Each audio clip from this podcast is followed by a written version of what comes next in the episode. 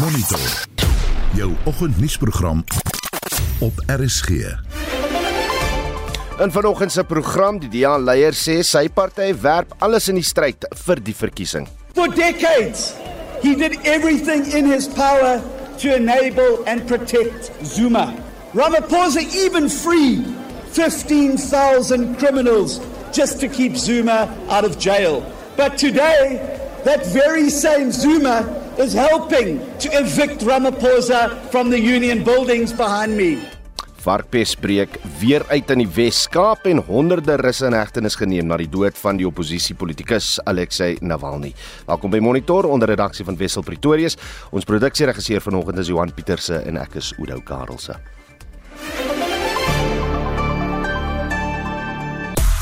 Die cricketwêreld verloor 'n legendariese veelsidige speler.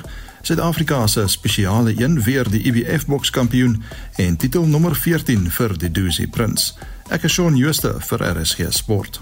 'n Limpopo leerder wat geïdentifiseer het as 'n of identifiseer as 'n lid van die LGBTQI+ gemeenskap is gedwing om die skool uh, te verlaat met beweringe van uh, diskriminasie wat hier rond is doen. Nou Lucky Matlepjane wat manlik gebore is, uh, maar identifiseer as vrou, is na bewering deur opvoeders en medeleerders van sogenaamde self-identifikasie verbied. Matlepjane beskuldig onderwysers van diskriminasie. Dis nou tydens buitemuurse aktiwiteite op grond van seksualiteit veral as dit kom by die skool se beleid oor klere drag. Nou Frans vanoggend is diskriminasie op grond van geslag, seksualiteit en kleredrag 'n werklikheid in die skole in jou provinsie en hoe word dit daar hanteer? En is dit hoogtyd dat iets soos die beleid oor kleredrag, oor uniform toegewings moet maak wat strook met die teenwoordigheid van lede van die LGBTQI+ gemeenskap in daai skole? En dan, volgens wet moet die algemene verkiesing gehou word binne 90 dae vanaf die vervaldatum van die huidige termyn van die nasionale vergadering en provinsiale wetgewers wat nou 21 Mei is. Nou die datum gaan waarskynlik later die week aangekondig word, maar ons wil by jou vanoggend weet watter verkiesingsdatum tussen 21 Mei en 19 Augustus sal jou die beste pas as jy kon kies.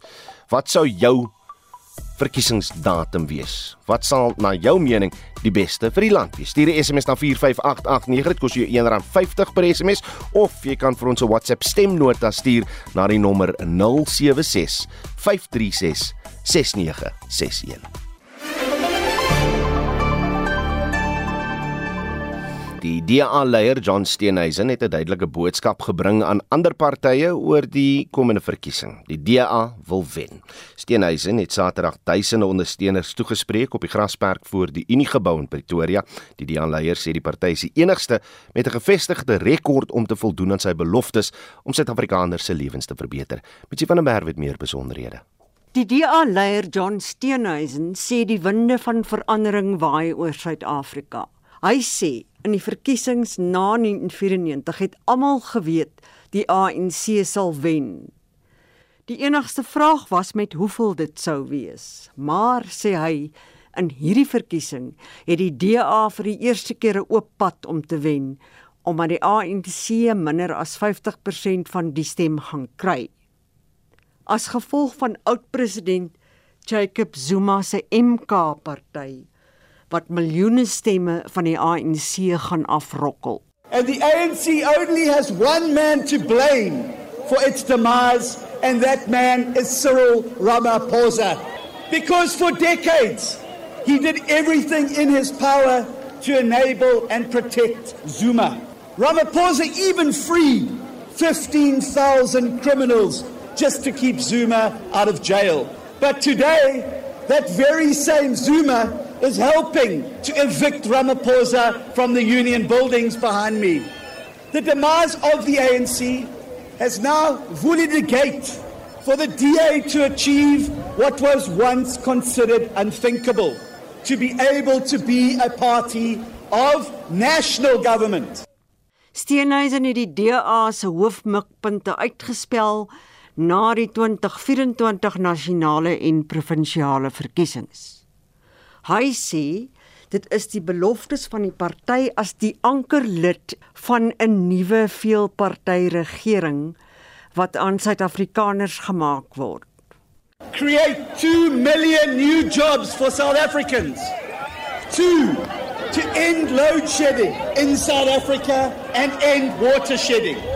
Number three, halve the rate of violent crime, including murder, attempted murder, and gender based violence. Four, crush corruption by abolishing cadre deployment in favour of merit based appointments and a capable state that delivers for all South Africans. Five, lift six million South Africans out of poverty. Six, triple the number of grade four learners who can read for meaning. And finally, seven, ensuring quality health care for all South Africans. Steenhuisen sê die DA het die ANC 'n teikendatum van 5 uur vandag gegee om die volledige rekords van sy kaderontplooiing teruggedateer na 1 Januarie 2013 te gee. Hy sê die versoek strook met die uitspraak van die konstitusionele hof nadat die ANC die DA se aanvanklike versoek dat die rekords aan die publiek bekend gemaak word vir 3 jaar uitgestel het. Die ANC het egter die oppositieparty gister om meer tyd gevra. No, you cannot have more time. You cannot have more time in government, and you cannot have more time to hand over these records. You've wasted South Africa's time for long enough. And we're going to say to them, you will comply with the Constitutional Court ruling, or we will make sure that all of you go to jail for the contempt of court because that's where they belong. Not in the union buildings, they belong in jail. And we will use the precedent created that sends Zuma back to court and to jail, which includes prison time to prove it. Die party se volgelinge het nou die taak om die boodskap te versprei. Busi Shimombe van die SAK se politieke redaksie het hierdie verslag saamgestel. Mitsi van der Merwe, SAK nuus. Die departement van landbou in die Wes-Kaap het varkboere gevra om streng biosekuriteitsmaatreëls te volg om hulle boerderye te beskerm teen varkpes. Die departement sê 'n nuwe uitbreking van Afrika varkpes is bevestig by Groenewyde Park buite George. Die departement sê die uh, gebied is in kwarantyne geplaas en inwoners van die gebied is gewaarsku om nie varke of varkprodukte uit die gebied te verwyder nie, uh ten einde die verspreiding van die siekte te bekamp. Ons praat nou hieroor met 'n staatsveearts in George Dr Liana Janse van Rensburg. Liana, goeiemôre. Goeiemôre. Kom ons begin net eers met wat die oorsaak van die siekte is. So Afrika varkpes word veroorsaak deur 'n virus en hierdie virus word direk oorgedra wanneer besmette varke in aanraking kom met vatbare varke. En dit kan ook indirek oorgedra word wanneer vatbare varke, byvoorbeeld vleis van besmette varke gevoer word. Hmm of as mense wat in kontak was met besmette varke met hulle vuilklere, skoene, toerusting wat ook al in kontak met daai besmette varke was, dan in kontak met vatbare varke kom. Hmm. Dit het eers kop uitgesteek in 2022 ook hier, maar beteken dit noodwendig dat dit nie werklik sedertdien onder beheer gebring is nie? So in 2022 was Afrika varkpes vir die eerste keer in die George area in Tembalethu gediagnoseer.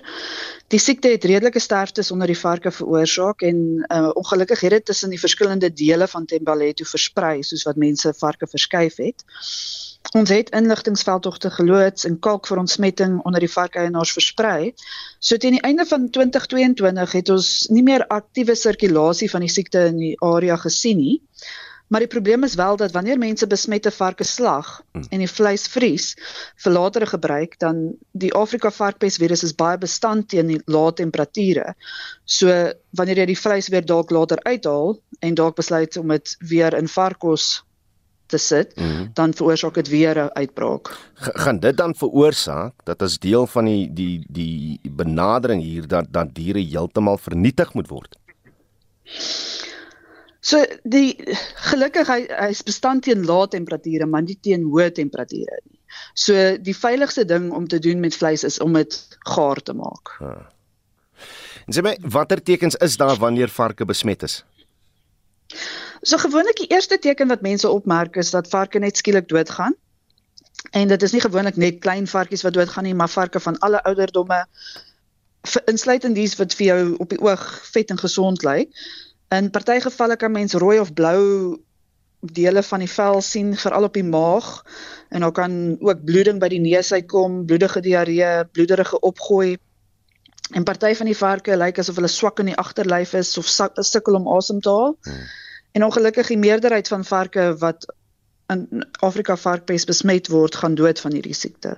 En Liana, watter soort voorsorgmaatreëls moet die boere nou tref en praat net 'n bietjie met die mense in George, die die inwoners van George wat hulle moet doen? Ja, so die beste manier vir 'n varkboer om hulle varke te beskerm is om goeie biosekuriteit te handhaaf. So dit is om seker te maak dat enige varke wat hulle inbring kom van bekende gesonde kuddes en dit sal ook nie seer maak om hulle vir so 15 dae net weg te hou van hulle bestaande kuddes om seker te maak dat hulle gesond is nie. Enige item wat in kontak kom met hulle varke, moet hulle seker maak is skoon en ontsmet. Insluitende voertuie wat op die plaas kom, toerusting wat vir die varke gebruik word en baie belangrik enige mense wat in kontak met hulle varke gaan kom.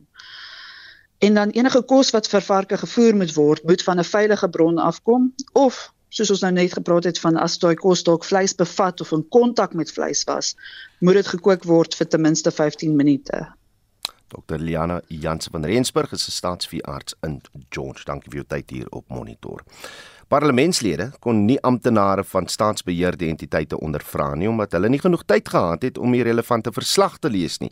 Dit was nadat die openbare ondernemingskomitee sy program verander het. Nou die herroeping van die Suid-Afrikaanse Lugdienswet sou aanvanklik bespreek word, maar dit is verander na die verslag oor die SOE's wat die LPS geen kans gegee het om die voorlegging te bevraagteken nie. Maar hoe het dit gebeur? Celine Merrington maak vir ons sin hieroor. Die meeste staatsbeheerde entiteite sukkel om kop bo water te hou. Eskom, Transnet en SAL is onder die wat die afgelope paar jaar enorme finansiële verliese gemaak het ten spyte van talle lewensboeye wat die regering uitgegooi het om die situasie te red. Die waarnemende DG van die departement, Jacqueline Molisane, het 'n lang voorlegging gemaak aan die komitee oor vordering om die entiteite reg te ruk onder andere dat die eerste porsie van die 254 miljard rand Eskom skuldverligtingplan beskikbaar gemaak is. I need to properly update the August House that as of January 2024, an amount of 44 billion was disbursed to ESCOM with an outstanding amount of 34 billion that will be disbursed in the current financial year. And that is also against monitoring the strict conditions that the Minister of Finance attached to the ESCOM debt relief package, that we as the department continuously monitor and ensure that ESCOM adheres to those debt conditions. Oor Transnet het sy bygevoeg dat die waarborg van 47 miljard rand in Desember verlede jaar beskikbaar gemaak is om die herstelplan te ondersteun. So over the past five years, there has been, in terms of just looking at the operational performance, there has been a deterioration around the operational challenges around the the rail. Also, around the port divisions have been negatively impacted by the underinvestment in infrastructure and operating equipment. And this was further exacerbated by the theft and vandalism, which require expenditure and replacement in maintenance and in the expansion. Maar lede van die komitee wat jy sou verwag het die besonderhede van die entiteite op hul vingerpunte was skynbaar onkant gevang deur die inligting. Onder andere het lede soos Farad Isak en Carol Piri gesê hulle het meer tyd nodig om die voorlegging te bestudeer. Sure, yeah, no, I was saying that, you know, we received this presentation this morning and I think with due respect you would understand it is a pretty lengthy and detailed document that would need somewhat of interrogation to a great extent. So to just go and make rational comments at this point in time, I think that best is that we need to interrogate these issues and obviously come back to these issues as these various departments present to us over the following few weeks, hopefully. I'll have to echo my colleague that, to be honest, we are not prepared to engage the presentation as we have received it early this morning. But uh, Chair will allow us in the next uh, meeting where we'll be dealing with detailed issues like your ESCOM separate, your Transnet separately, and all other entities under public enterprise will engage considering what is being presented to us. Die voorsitter van die komitee, Kaya Magatla, erken dis 'n ongemaklike situasie. I seriously and wholeheartedly apologize on behalf of Parliament for that problem. That, of course, will put you in a very awkward as members of Parliament, including the department, in that quick change. We hope that it's not going to happen again. But also, the issues that were presented to us are issues that will be continuing engaging until the end of the sixth Parliament. Dit was die voorsitter van die Openbare Entiteite Komitee, Kaya Magatla, Zelin Merrington, Parlement. Adjunkt president Paul Mashatile het die Suid-Afrikaanse regering se standpunt oor die konflik tussen die Palestynse militante groep Hamas en Israel in Gaza verdedig en gesê oud-president Nelson Mandela sou dieselfde gedoen het. Mashatile was 'n gasspreker by die Sufi Moskee in Durban. Hy sê Suid-Afrika sal na die internasionale regshof terugkeer om hulle ingryping te bepleit na Israel se lugaanval op Rafah. Meer as 'n miljoen Palestynë van die noorde van Gaza het in hierdie stad skuilings gesoek van die konflik toe aanval daar geloods is. Dries Liebenberg berig. Mashatile sê die kabinet het besluit dat Suid-Afrika na die internasionale regshof moet terugkeer en hulle ingryping in Rafah bepleit. Dit kom nadat die hof verlede maand 'n tussentydse bevel uitgereik het in verband met Suid-Afrika se klag van volksmoord, ingevolge waarvan Israel stappe moet doen om Palestynë se lewens en regte te beskerm. Suid-Afrika se dringende beroep op die Wêreldhof van dese week is gekritiseer as misbruik van die instansie. Mashatile sê egter Mandela sou dieselfde gedoen het. We do hope that the world will stand up against injustice. But we as South Africa through the leadership of the African National Congress will not keep quiet when we see injustice. Very good. We will stand up at all times, no matter how strong they think they are, we will always stand up for justice.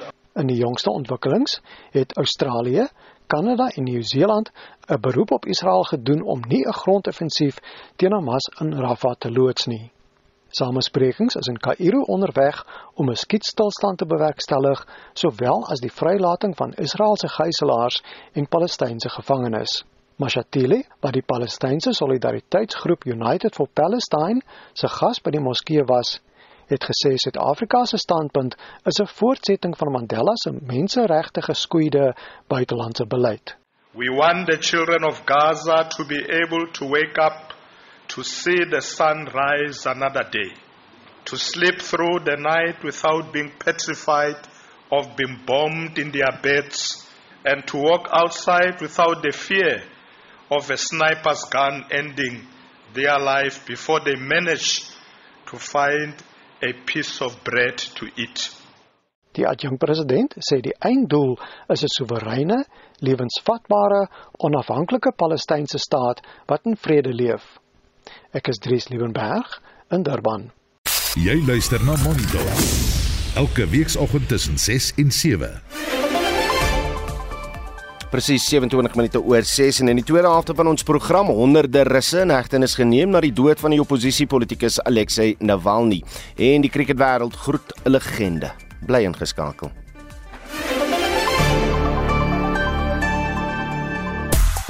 Nou 'n populêerder wat identifiseer as 'n lid van die LGBTQI+ gemeenskap is gedwing om sy skool te verlaat weens beweringe van diskriminasie. Lucky Matlebiane is die naam van die student. Hy is of sy is manlik gebore, maar identifiseer as 'n vrou en sê daar is uh, teen haar gediskrimineer vir alles wat kom by kleredrag in die skool.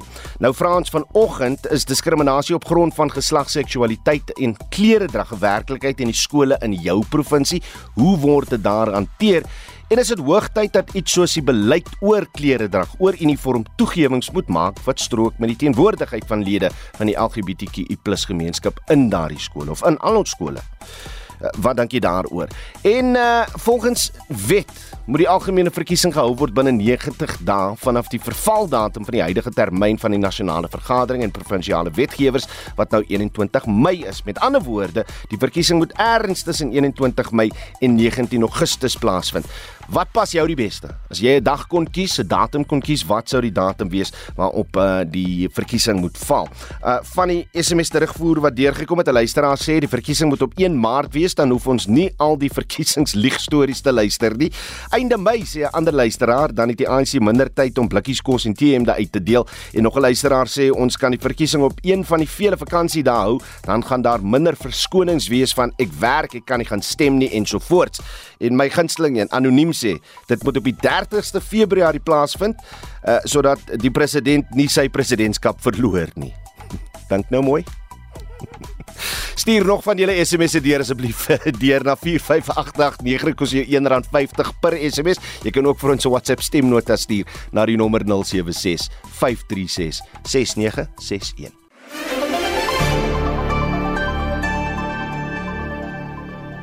Volgens berigte is reeds meer as 400 mense regoor Rusland in hegtenis geneem by gedenkbyeenkomste vir die oppositiepolitikus Alexei Navalny wat Vrydag in 'n strafkamp dood is. Daar is byeenkomste in 32 stede gehou vir die 47-jarige Navalny, een van president Vladimir Putin se valste kritisie. Ons praat nou hieroor met die hoof van buitelandse betrekkinge by Solidariteit, Jaco Kleiners. Môre Jaco.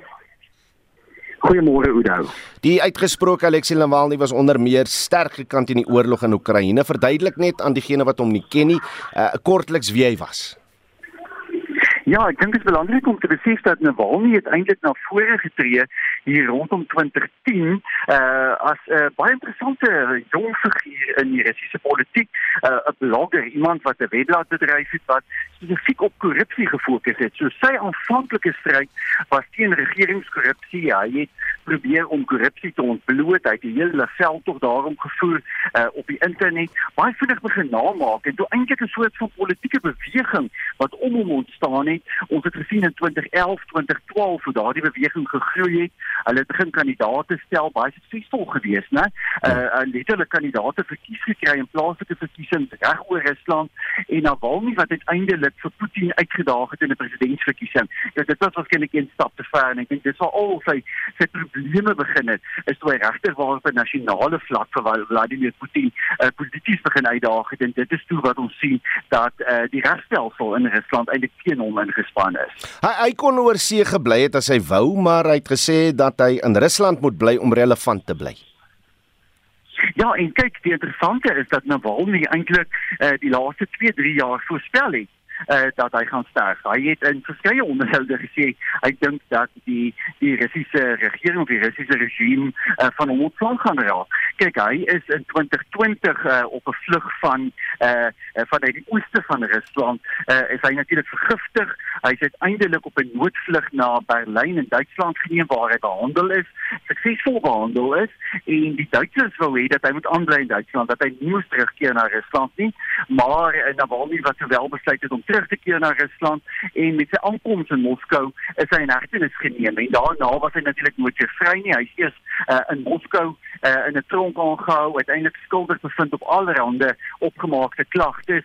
En toe in Desember verlede jaar is hy skielik verskuif na hierdie baie ernstige uh, gevangeniskamp kan mens eintlik sê noord van die Arktiese sirkel in Siberië. Jy weet dit is eintlik 'n uh, uh, uh, gebied waar baie erge misdadigers aangehou word. En ek dink dit moes eintlik al reeds vir ons 'n aanduiding gewees het in Desember dat die uh, die die Putin regering besig is om 'n plan te maak om van hom ontslae te raak. Wat weet ons as feit oor die omstandighede rondom sy dood Vrydag? Ons weet bitterlik min, hè. Dis interessant dat die die uh, gevangenisdienste in Rusland baie vinnig uh, aangekondig het van sy dood het bekend gemaak het, maar sedertdien uh, niks weer wou sê nie. Ook nie die die uh, woordvoerder van die Kremlin hmm. wat enigiets wou bekend maak nie. Dit is baie duidelik dat die omstandighede geheim gehou word. Nou eh uh, uh, um, Navalny se woordvoerder wat self in die buiteland woon, sê dat hulle natuurlik oortuig is daarvan eh uh, veral na die insident in 2020 waar hy vergiftig is uh, dat hy maar uiteindelik dood is.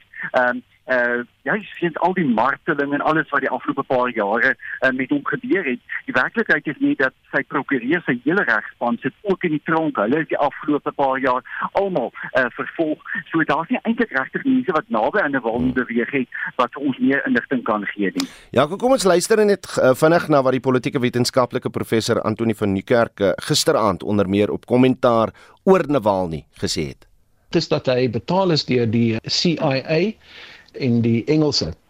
Iemand wat gekoop is en vir wie geld gegee is om 'n politieke veldtog te loods teen 'n diktatorskap. Hierdie tipe van regimeverandering, die kleurrevolusies wat in Oos-Europa gebeur het, waarvoor Putin baie bang is.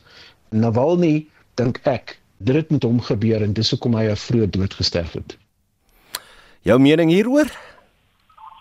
Ja, kyk ek dink Navalny het baie naby aan die weste beweeg. Hy het wesenlike steun uit die weste geniet, waarskynlik ook befondsing uh, vir sy politieke veldtogte uit die weste gekry. En natuurlik is dit vir uh, Vladimir Putin absoluut uh, die doodsonde, jy weet. Uh, Putin uh, het die afgelope paar jaar uh, eintlik Rusland direk opgestel teenoor die weste. Sy sy groot mobiliseerde sy manier waarop hy die Russiese bevolking se steun behou, is natuurlik om die weste as hierdie soort van absolute vyand uh, van Rusland um, uit te beeld uh, en daarom uh, dat enige samewerking van 'n oppositiekandidaat of enigiemand uit die oppositie met westerse magte ja dat dit natuurlik vir vir Putin 'n soort van finale strooi is. Maar meneer Jan Naval nie daar nie alleen hier gestaan nie Oudo. Ons het eintlik die afgelope paar jaar gesien dat Putin van baie ander uh, oppositieleiers ook ontslaag geraak het. En ek wil eintlik sê Navalny se dood beteken eintlik maar die einde van politieke oppositie in Rusland dis 'n sterk stelling want, want daar's nou niemand binne die land wat eintlik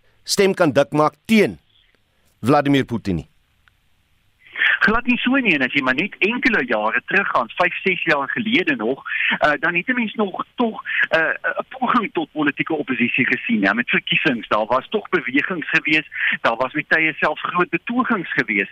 Selfs nog met die uitbreek van die oorlog in Oekraïne 2 jaar gelede, het ons gesien dat duisende mense aan betogings deelgeneem het. Ek wil vir jou sê, ons gaan nie weer dit sien nie, nie ten minste vir die volgende volgende tye nie. Ehm um, daar is 'n baie harde en duidelike boodskap boodskap gestuur deur Putin en uh, sy regering dat dat geen oppositie hmm. geduld sal word nie. Volgende maand se verkiesing in Rusland is absoluut 'n skynverkiesing.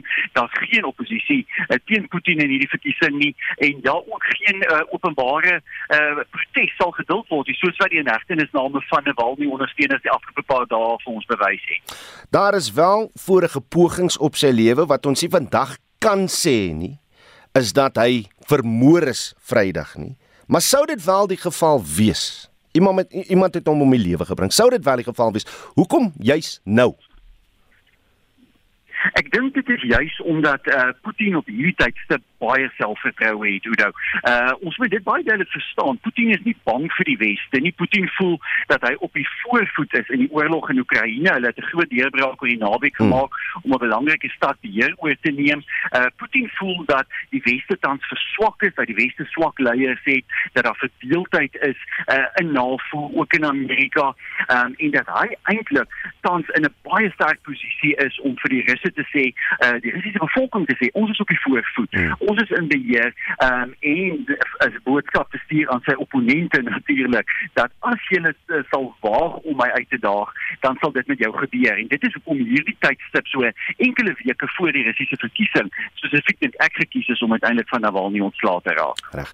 Wat ons wel gesien het, die uh, uh owerhede daar by die tronk waar hy, waar hy was het gesê hulle het baie vinnig opgetree. 2 eh, minute nadat hy in mekaar gesak het, was daar reeds medisy saam met hom gewees. Ons weet ook nou dat die lijk sit saam met 'n Russiese ondersoekspan. Die familie van Navalny sê hulle eis, hulle wil die lijk teruggee want hulle wil self ondersoek instel. Die waarskynlik waarskynlikheid dat dit gaan gebeur, Jaco dis baie skrul Udo. Ek dink nie daar's regtig 'n kans daarvoor nie. Ek dink soos in soveel ander gevalle, ehm um, uh jy weet, gaan ons waarskynlik nooit presies weet wat hier gebeur het nie. Ehm um, daar's 'n baie ou patroon uh wat die afgelope 24 jaar uh onder leiding van Putin uh eintlik uh, uh dikwels plaasgevind het waar oppositieleiers, mense wat die regering op een of ander manier uitdaag, uh doodgaan en mense eintlik nooit presies die inligting kry uh oor die omstandighede nie nie. Ek kan nie dink dat dit in hierdie geval anders gaan wees nie. Navalny was die mees formidable uh uitdager vir Putin uh se magsgreep op Rusland die afgelope twee dekades en ek dink daarom jy sal ons nooit uitvind presies wat gebeur het nie. So die nuus het so laat Vrydag, Saterdag deurgekom oor sy dood. Uh enige reaksie van westerse leiers af en ek sien hier in die naweek gons sit op sosiale media oor wat Suid-Afrikaanse regering moet sê hieroor. Jou jou mening miskien daaroor? Ja, kyk daar was daar was 'n ewige reaksie uit die weste. Ek het die sosiale media dopgehou Udo en elke westerse leier van Amerika, elke Europese land, uh ook 'n westerse bondgenoot, ek dink maar aan Japan en Suid-Korea, al hierdie lande het het baie baie sterk hierop gereageer. Het natuurlik vingers gewys na na Putin ook natuurlik uh, terwyl ons nie uh, sekere bevestiging het daarvan dat Putin uh vir sy dood verantwoordelik is nie, maar dit is duidelik dat die weste um hierdie uh sien as as presies dit wat dit is, jy weet, 'n soort van ehm um, eh uh, eh uh, poging van Putin om 'n boodskap na die weste te stuur. Suid-Afrika is in 'n moeilike posisie, jy weet, want Suid-Afrika se geloofwaardigheid uh, as 'n neutrale land um, op hierdie tydstip word natuurlik bedreig uh, sedert die uitbreek van die oorlog eintlik al 2 jaar gelede. So Suid-Afrika sal 'n baie baie um, uh, uh, gebalanseerde poging moet aanwend om uh, om tog standpunt in te neem. Ek dink uh, uh, ons het die afgelope paar maande eintlik gesien uh, hoe daar 'n uh, keer op keer jy weet verskillende boodskappe vanaf die Suid-Afrikaanse regering gekom het oor hierdie soort van sake soos die oorlog in Oekraïne. Het nou net die pan tot dusver enige stellings uitgereik? Spesifiek oor Navalny? Um, ja, kyk daar was daar daar was pogings gewees ja om om natuurlik te sê ja dit uh dis jammer en daar moet daar moet 'n ondersoek plaasvind en so aan. Jy weet nou kyk daar moet 'n ondersoek sekerlik plaasvind na enige uh oppositieleiers uh um se dood. Die werklikheid is nie die omstandighede waarin Navalny uh die afgelope 2 jaar jy weet uh, uh uh, in aanhouding was en wat hy vervolg is, is alreeds so verdag gewees. Jy weet, dit is eintlik iets wat 'n mens uh, eintlik net die afgelope 2 jaar reeds moet veroordeel. Dit is waar hele vraag konsekwentheid hier inkom. Jy weet, is Suid-Afrika of die Suid-Afrikaanse regering konsekwent uh, in sy veroordeling van enige menseregte vergrype of die onderdrukking van oppositie dan nou in enige demokratiese land? Jaco Kleinans is die hoof van buitelandse betrekkinge by Solidariteit. 'n uh, Gevangene by die Mangaung korrektiewe sentrum wat deur G4S in Bloemfontein bestuur word, het aan SABC nuus gesê G4S wil soveel as moontlik langtermyn werknemers afdank voordat sy kontrak met die departement van korrektiewe dienste tot 'n einde kom. In 'n eksklusiewe onderhoud met Zwelenzima Nguru, 'n uh, gevangene van oor die 20 jaar, beweer hy dat topamptenare betrokke is by 'n geldverwerksyndikaat wat beskermingsfooie aan uh, of van gevangenes aanvra en 'n uitgebreide seksring na bewering bedoel om die aantal amptenare wat lank diens het af te skud. Beweringe van 'n donker web van korrupsie, van kontant verwerk die aanvrae van beskermingsfooie tot 'n daadwerklike poging om van werknemers met lang diens ontslae te raak. Die komplot behels na bewering die gebruik van gevangenes om vroulike bewaarders te lok om vir finansiële gewin by hulle te slaap as 'n lokval. Tot op hede is 4 vroulike bewaarders wat na bewering geïmpliseer word geskort. Gevangenes Zwelenzima en Kuru verduidelik dat gevangenes ook opdrag gegee word om smokkelware in die kaste en sakke van manlike bewaarders te plant. Sommige van hierdie bewaarders is na bewering as gevolg daarvan geskort. Those women are targets because of the long service that they have. If those people stay here until docs takes over or until they go on pension, GeForce will pay them a lot of money. That's why some of the thing they give to inmates and tell them to go and plant them in the belonging of a certain guard and will come and search that guard. You get a reward for that and sometimes they give you money or send it on your bank. 'n Uitgelekte bankstaat van 'n gevangene wat die vermeende betaalmeester is, is in die besit van die SAIK nuusspan. Dit toon betalings van die gevangene aan verskeie topamptenare, insluitende die hoof van sekuriteit, 'n interne ondersoeker, 'n menslike hulpbronne beampte sowel as top bedryfsbeamptes. Nguru onthul dat die state weerspieël dat die jongste betaling die afgelope Vrydag gemaak is. Nkuru het ook die ondersoek na die Tabo Bester ontsnapping uit die tronk gekritiseer. Hy sê die polisie het nie 'n deurlopende ondersoek gedoen nie, maar eerder op die interne ondersoekverslag van G4S amptenare staat gemaak. Die departement van korrektiewe dienste het bevestig dat hy beweringe ondersoek dat topbeamptes betalings van gevangenes by die G4S korrektiewe fasiliteit ontvang. Singabaku Numalu, die woordvoerder van die departement, brei uit. Correctional Services is aware of the allegations, and it's important to highlight that we've been doing a number of investigations at Mangawong Correctional Center, and we have managed to unearth quite a lot of things and some of the elements which ought to be eliminated if that facility is to operate efficiently. And the investigations that we've been running, some have ruffled other people the other way and opted to employ other tactics, but we know exactly of what's happening there. So as a department, we're quite comfortable with the work that we've been doing. Die berigte Mangaung Korrektiewe Sentrum is dieselfde tronk van waar die veroordeelde Facebook-verkragter en moordenaar Tabo Bester in Mei 2022 'n gewaagde ontsnapping gemaak het. Daar word beweer dat gevangeniswerknemers deel was van die komplot wat 'n vervalste selfmoord in 'n brand in Bester se sel 35 behels het. Die 33-jarige Katlego Bereng se lijk is glo by die fasiliteit ingesmokkel en as 'n lokmiddel gebruik asof dit Bester se verkoelde oorskot is. Bester moet van dese week in die Hooggeregshof verskyn saam met sy vriendin Dr Nandipa Mangudumana en voormalige tronkpersoneel wat onder meer daarvan aangekla word dat hulle gevangene gehelp het om uit wettige aanhouding te ontsnap. Die verslag is saamgestel deur Katlego Sekoi in Bloemfontein en ek is Susan Paxton vir SAK nuus in Johannesburg. Premier Allan Windey sal na verwagting vandag die laaste provinsiale staatsrede van die 6ste parlement van die Wes-Kaap lewer. Die toespraak vind plaas by die Genote Gemeenskapsaal in Klippiesdal in die Parel. Beerdkrag, werkskepping en misdaad is van die kwessies wat waarskynlik in die toespraak aandag sal kry. Michaela Blarens berig. Die jaarlikse staatsrede laat die premier toe om burgers op hoogte te bring van dringende kwessies. Dit bied insig in die werk van die provinsiale regering en is 'n geleentheid om veranderinge aan te dui wat hulle graag wil maak. Inwoners reg oor die provinsie kan inskakel om te hoor hoe dit hul daaglikse lewens sal beïnvloed. 'n Inwoner van Langa, Chris Soiko sê hy wil graag meer hoor oor die energiekwessies en die vinnige toename van plakkershitte in townships. I think the crisis that we are all facing and we are crying about is the load shedding. That is number one.